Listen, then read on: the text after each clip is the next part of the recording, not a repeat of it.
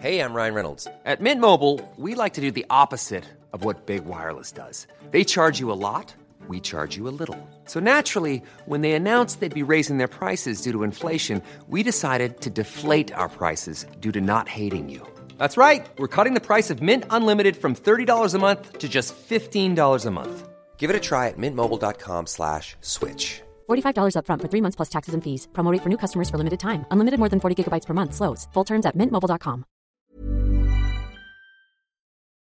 Hai, aku Iza Sapta. Selamat datang kembali di podcast Bincang Asa dan Rasa. Buat kamu yang mendengarkan ini, jangan lupa aktifkan lonceng notifikasi dan follow podcast Bincang Asa dan Rasa biar kamu gak ketinggalan episode selanjutnya. Terima kasih juga sudah berkenan mendengarkan episode ini. Aku harap di sini bisa membuatmu merasa pulang dan memiliki rumah. Meski kita tidak saling mengenal, semoga dengan adanya podcast ini, kamu nggak ngerasa sendirian. Jadi, selamat mendengarkan. Halo teman-teman semuanya, balik lagi sama aku Iza Sapta di podcast Bincang Asa dan Rasa. Kita ketemu lagi di episode Random Talk bareng aku. Di sini aku bakal jawab hasil dari Q&A yang udah aku share di Instagram Bincang Asa dan Rasa sama beberapa pertanyaan dari teman-teman yang udah ikutan jawab di Q&A yang ada di episode Random Talk sebelumnya. Jadi langsung aja kita mulai ya. Pertanyaan pertama, pengen damai sama diri sendiri, pengen bisa bersyukur sama fisikku sekarang. Ya, aku juga ngerasain banget gimana rasanya, gimana sulitnya kita berdamai sama fisik kita yang kita anggap itu adalah sebuah kekurangan di diri kita. Emang gak semua manusia sempurna, emang gak semua manusia punya fisik yang sempurna. Dan karena fisik itu adalah salah satu hal yang kelihatan banget ya dari manusia, ketika ada yang ternyata gak sama sama ukuran standar di masyarakat kita itu bakal jadi sesuatu yang bikin kita insecure, sesuatu yang kita rasa itu adalah sebuah kekurangan. Proses berdamainya pun gak mudah karena aku yakin banget kamu pasti sempat ada di fase kamu benci sama apa yang ada sama diri kamu. Tapi aku pribadi, aku juga punya insecure aku juga punya satu hal yang bikin aku ngerasa kurang. Aku kalau misalnya ngeliat teman-teman aku yang tinggi tuh aku kayak, kok aku pendek ya? Kayak enak aja gitu loh kalau misalnya kita punya badan yang tinggi. Itu kayak apa ya? Ya enak aja dilihatnya terus pakai baju apa aja rasanya cocok, nggak susah milih baju gitu kan. Itu adalah salah satu hal yang bikin aku insecure. Sampai akhirnya aku sadar kalau misalnya aku nggak bisa ngerubah ini. Fisik aku ya udah emang kayak gini dari sananya. Dan karena ini nggak bisa aku rubah, aku berusaha untuk mencari satu hal dalam diri aku yang nggak orang lain punya. Dan ternyata aku cukup bagus buat public speaking. Ternyata aku bisa bikin puisi, ternyata aku bisa nulis, ternyata aku walaupun aku gak punya badan yang bagus, ternyata aku masih punya satu kelebihan yang bisa aku usahakan. Dan itu ya lewat karya-karya aku.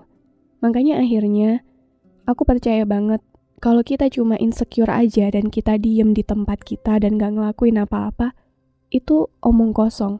Yang bener itu kalau kita punya insecure, kita berusaha buat merubah insecure itu. Kalau misalnya di penampilan, kita coba buat ngerubah penampilan itu. Tapi kalau ternyata emang nggak bisa dirubah, kalau ternyata insecure itu adalah sesuatu yang udah dari sananya dan kita nggak bisa ngelakuin apa-apa lagi buat merubah itu, ya kita cari di hal yang lain. Masing-masing manusia itu diberkati kemampuan, diberkati pemikiran buat kita berpikir. Dan itu manfaatkan dengan sebaik mungkin untuk cari tahu sebenarnya kita itu punya kelebihan apa Aku yakin banget masing-masing manusia pasti punya kelebihannya yang gak dipunya orang lain. Dan aku harap kamu bisa menemukan itu, aku harap kamu gak fokus sama apa yang kurang dari kamu, kita belajar berdamai sama apa yang kurang sama diri kita, kita belajar menerima itu dengan seada-adanya kalau ya ya udah itu yang udah Tuhan kasih. Masalah apakah kita bisa punya value atau enggak itu balik lagi ke diri kita. Kita harus berusaha siapa pun orangnya, kalau misalnya dia pengen dihargai, kalau misalnya dia pengen dianggap di lingkungan dia ada, ya dia juga harus nunjukin kalau emang dia worth it. Dan untuk mencapai hal itu kita harus berusaha kita harus berusaha keras. Jadi aku harap kita semua nggak cuma berhenti di satu titik yang bikin kita lemah, tapi kita juga harus cari tahu jalan keluarnya kayak apa. Aku yakin kamu bisa, aku pun bisa, dan kamu pasti juga bisa. Oke, pertanyaan kedua. How to comfortable with yourself? Gimana caranya biar kita bisa nyaman sama diri kita sendiri? Salah satunya ya dengan apa ya, mencintai diri kita sendiri. Kita harus tahu kalau misalnya kita itu berharga, kita harus menerima apa pun yang ada sama diri kita, entah itu kekurangan, entah itu kelebihan, semuanya. Karena untuk nyaman sama diri kita itu emang sama halnya seperti insecure tadi ya. Kita tuh butuh waktu yang lama untuk bisa nerima itu untuk bisa nerima diri kita dengan seapa adanya. Itu susah banget. Tapi susah bukan berarti nggak mungkin. Susah bukan berarti kita nggak bisa ngelakuin itu. Kita tetap bisa. Dan salah satu caranya ya dengan mencintai diri kita sendiri. Aku sering banget ngelakuin kegiatan ini. Jadi sebelum tidur biasanya aku selalu nyempetin buat ngobrol sama diri aku sendiri tentang satu hari itu kayak gimana. Misalnya, gimana hari ini, apa kabar kamu hari ini, tadi ngapain aja? Ya, walaupun aku sebenarnya udah tahu, tapi rasanya seru banget ketika kita bisa ngobrol sama diri kita sendiri, akhirnya kita tahu, apa ya, kita bisa menyadari lebih dalam gitu loh, hari ini tuh berjalannya kayak gimana, dan apa-apa aja yang bikin kita sedih, apa-apa aja yang bikin kita seneng. Akhirnya kita bisa tahu kurang lebihnya apa-apa yang ada sama kita.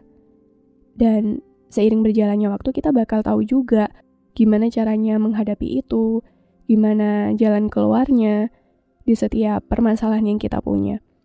Akhirnya ya kita pasti ada di satu titik, ya udah, ya ini aku, ini seada-adanya aku dan dan ya udah, mau gimana lagi? Kayak ya aku udah nyaman sama diri aku, karena aku mengenal diri aku, karena aku mencintai diri aku, karena aku yang paling tahu diri aku sendiri. Itu. Jadi untuk nyaman sama diri kita, kita harus kenal dulu. Sama halnya kayak ke orang lain. Kita nggak mungkin kan tiba-tiba nyaman sama orang asing yang nggak kita kenal. Dia siapa, dia kayak gimana. Iya kan? Nggak mungkin kita bisa nyaman. Ya sama halnya sama diri kita sendiri.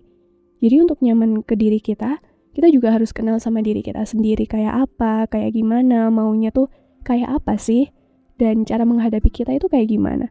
Kita harus mengenal itu dengan baik. Kita harus mempelajari diri kita dengan baik juga. Terus pertanyaan selanjutnya, kenapa kita nggak pernah benar-benar pulih? Sebenarnya ini udah aku jawab di episode Random Talk sebelumnya ya.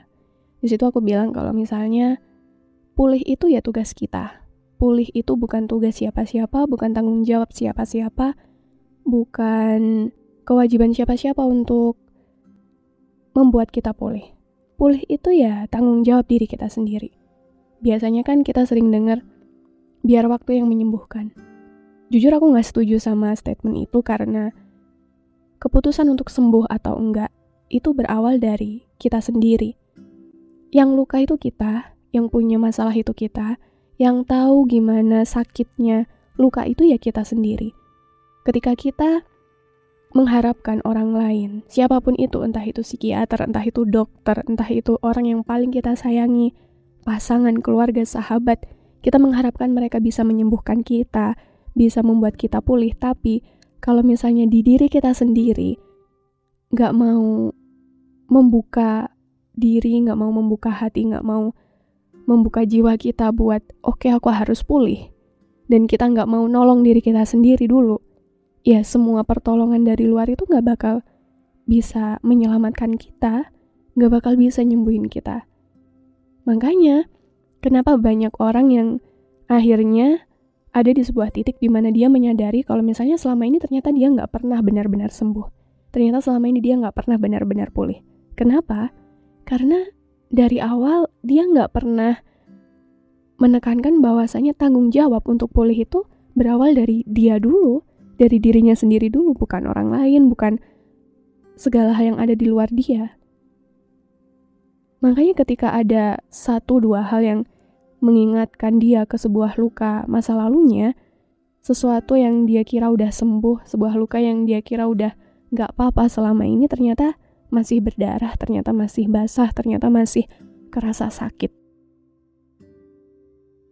Jangan nyalain siapa-siapa ketika ternyata kalian belum pulih. Coba tanyain ke diri kalian sendiri, kalian sudah berusaha nggak? Kalian udah berusaha menyelamatkan diri kalian sendiri belum? Kalian udah berusaha untuk menolong diri kalian sendiri belum? Kalian udah menekankan ke diri kalian belum kalau misalnya tanggung jawab untuk sembuh, tanggung jawab untuk pulih itu ya tanggung jawab diri kita masing-masing, bukan orang lain, bukan pasangan kita, bukan keluarga kita, bahkan bukan psikiater, bukan bukan juga dokter.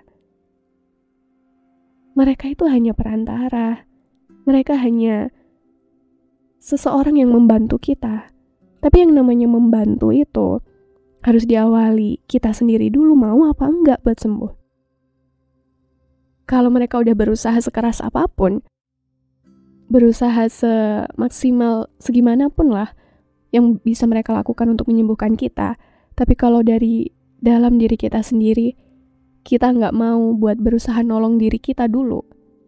Kita nggak mau membuka hati kita, membuka jiwa kita, pikiran kita. Kalau misalnya kita emang harus sembuh, dan kita mau berusaha untuk itu, ya pertolongan sebesar apa pun, rasanya bakal sia-sia aja. Karena dari awal kita nggak mempersilahkan itu. Kita cuma berharap sama orang lain, tapi kita gak mempersilahkan diri kita sendiri. Jadi aku harap siapa pun itu, kita semua, kalau kita emang benar-benar mau pulih, kalau kita emang benar-benar mau sembuh, ya kita harus nolong diri kita sendiri dulu. Itu langkah pertama yang harus kita lakukan. Pertanyaan selanjutnya, kalau takut sama masa depan, gak usah lihat masa depan tuh boleh gak sih? Mati gitu? Gak boleh dong Jujur aku sebenarnya gimana ya? Aku pernah kok, aku pernah ada di sebuah keadaan di mana aku kayak hopeless banget sama semuanya. Aku kayak pengen nyerah sama semuanya, aku udah capek ngejalanin ini. Tapi ternyata, kalian pernah mikir gak sih, kamu mau bunuh diri segimanapun kalau misalnya emang belum waktunya. Tuhan buat ambil kamu, emang belum waktunya Tuhan buat jemput kamu, ya kamu gak bakalan mati. Kamu gak bakalan bisa pulang. Ketika yang punya rumah gak mempersilahkan kamu pulang. Mau maksa segimanapun, kalau belum waktunya ya belum waktunya. Aku tahu emang capek banget di perjalanan dewasa. Itu emang gak gampang, emang banyak banget masalahnya. Ibaratkan waktu kita kecil, kita itu kayak udah digambarin peta sama orang tua kita, sama guru kita, udah digambarin masa depan kita tuh nanti bakal kayak gini, tahapannya tuh kayak gini, kita harus ngelewatin jalan yang ini, jangan jalan yang itu. Tapi ketika kita dewasa, kita menentukan semuanya sendiri. Kita nggak ngelihat peta yang sebelumnya udah disiapkan sebegitunya sama orang-orang yang mencintai kita. Kita benar-benar dikasih tanggung jawab buat menentukan itu sendiri dan untuk pertama kalinya melakukan itu aku tahu emang bingung banget, takut banget, khawatir, banyak insecure, banyak overthinking, aku tahu. Dan itu e, adalah proses yang emang gak mudah. Tapi bukan berarti gak mau ngelihat masa depan yang serba gak pasti itu, jalan keluarnya harus mati, enggak. Kita jalan aja terus, kita berusaha terus pelan-pelan. Gak harus lari, gak harus secepat yang lain, gak harus sehebat yang lain. Masing-masing dari kita itu adalah pemeran di cerita kita masing-masing. Mungkin kita bisa seumuran sama teman-teman kita, tapi udah jelas jalan yang kita lalui itu beda-beda. Kenapa? Karena Apakah masa lalu kamu sama mereka sama? Enggak kan? Apakah bagaimana cara mendidik orang tua kamu ke kamu sama cara orang tua mereka ke teman-teman kamu itu sama? Enggak kan? Dan semua elemen itu saling berhubungan. Dan itu sedikit banyak juga punya dampak di perjalanan kita sekarang. Makanya nggak secepat yang lain bukan karena kamu gagal, bukan karena kamu nggak berusaha, bukan karena kamu bodoh, bukan karena kamu nggak pantas mendapatkan keberhasilan, enggak.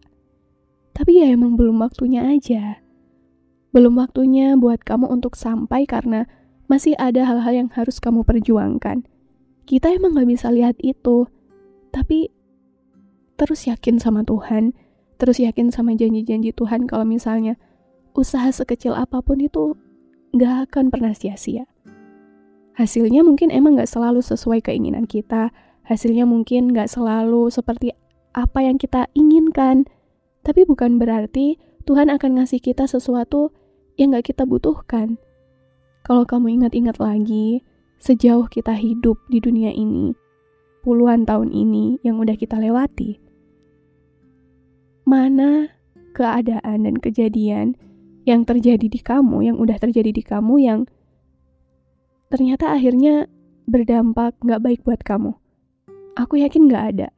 Mungkin di perjalanannya kita emang ngerasa marah ketika sesuatu itu gak sesuai sama mau kita, gak sesuai sama apa keinginan kita, gak sesuai sama ekspektasi kita, kita bakal marah, kecewa, kesel.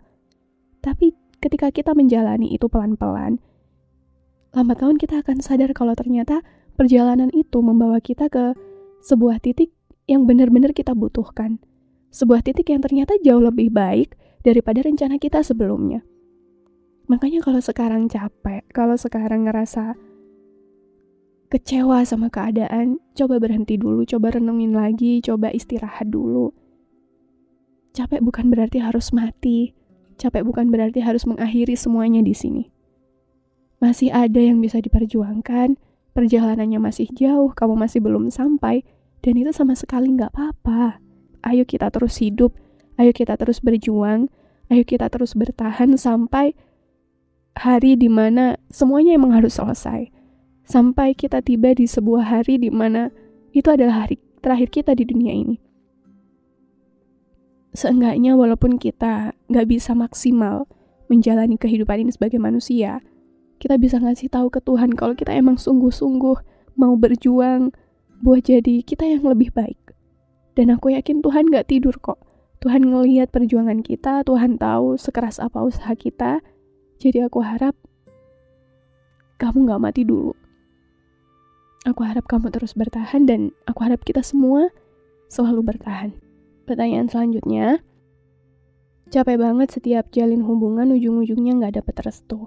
Apa aku gak worth it itu ya? Aku gak tahu sih ya, um, aku gak pernah ngalamin ini, tapi dari pengalaman orang-orang di sekitar aku yang berakhir pada nggak dapat restu, pada akhirnya mereka ketemu sama orang yang emang bener-bener cocok sama mereka, orang yang emang bener-bener jodoh mereka, orang yang bener-bener pada akhirnya berakhir baik sama mereka. Dan aku yakin itu pun uh, berlaku buat kita semua. Aku yakin itu pun gak cuma buat orang-orang di sekeliling aku, tapi juga buat kamu.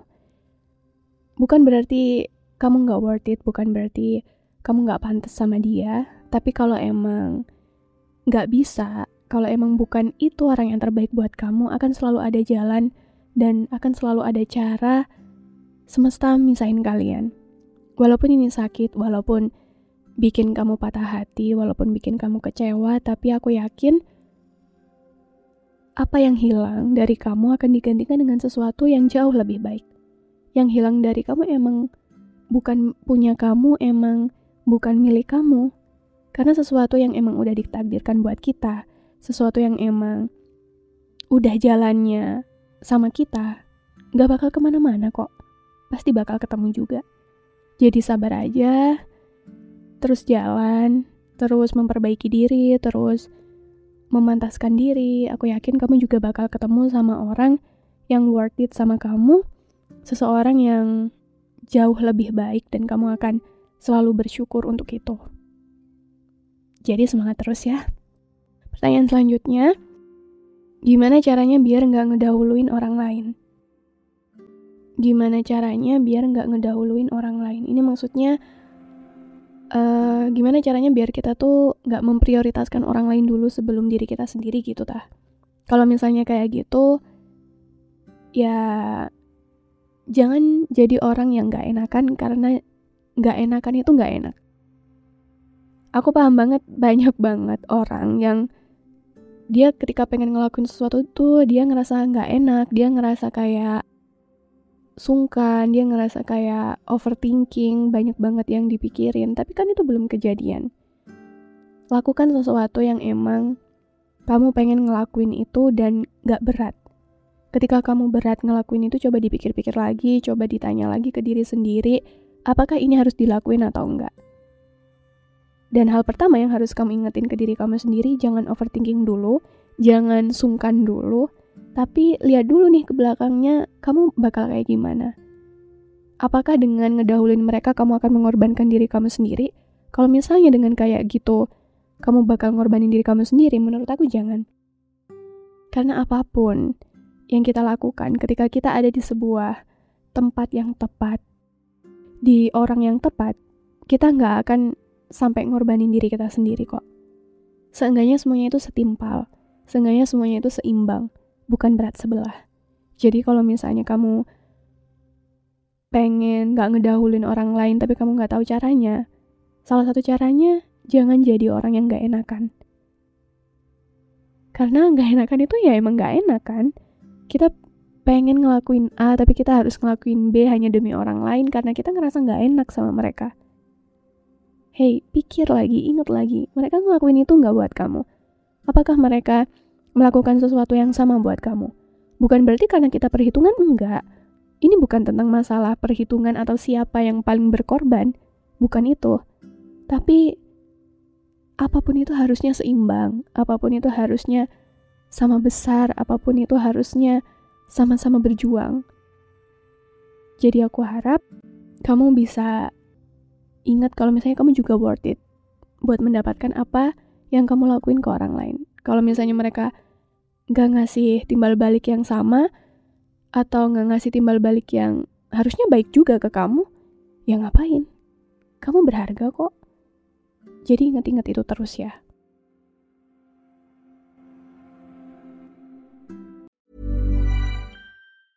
Planning for your next trip? Elevate your travel style with Quince. Quince has all the jet-setting essentials you'll want for your next getaway, like European linen premium luggage options, buttery soft Italian leather bags, and so much more.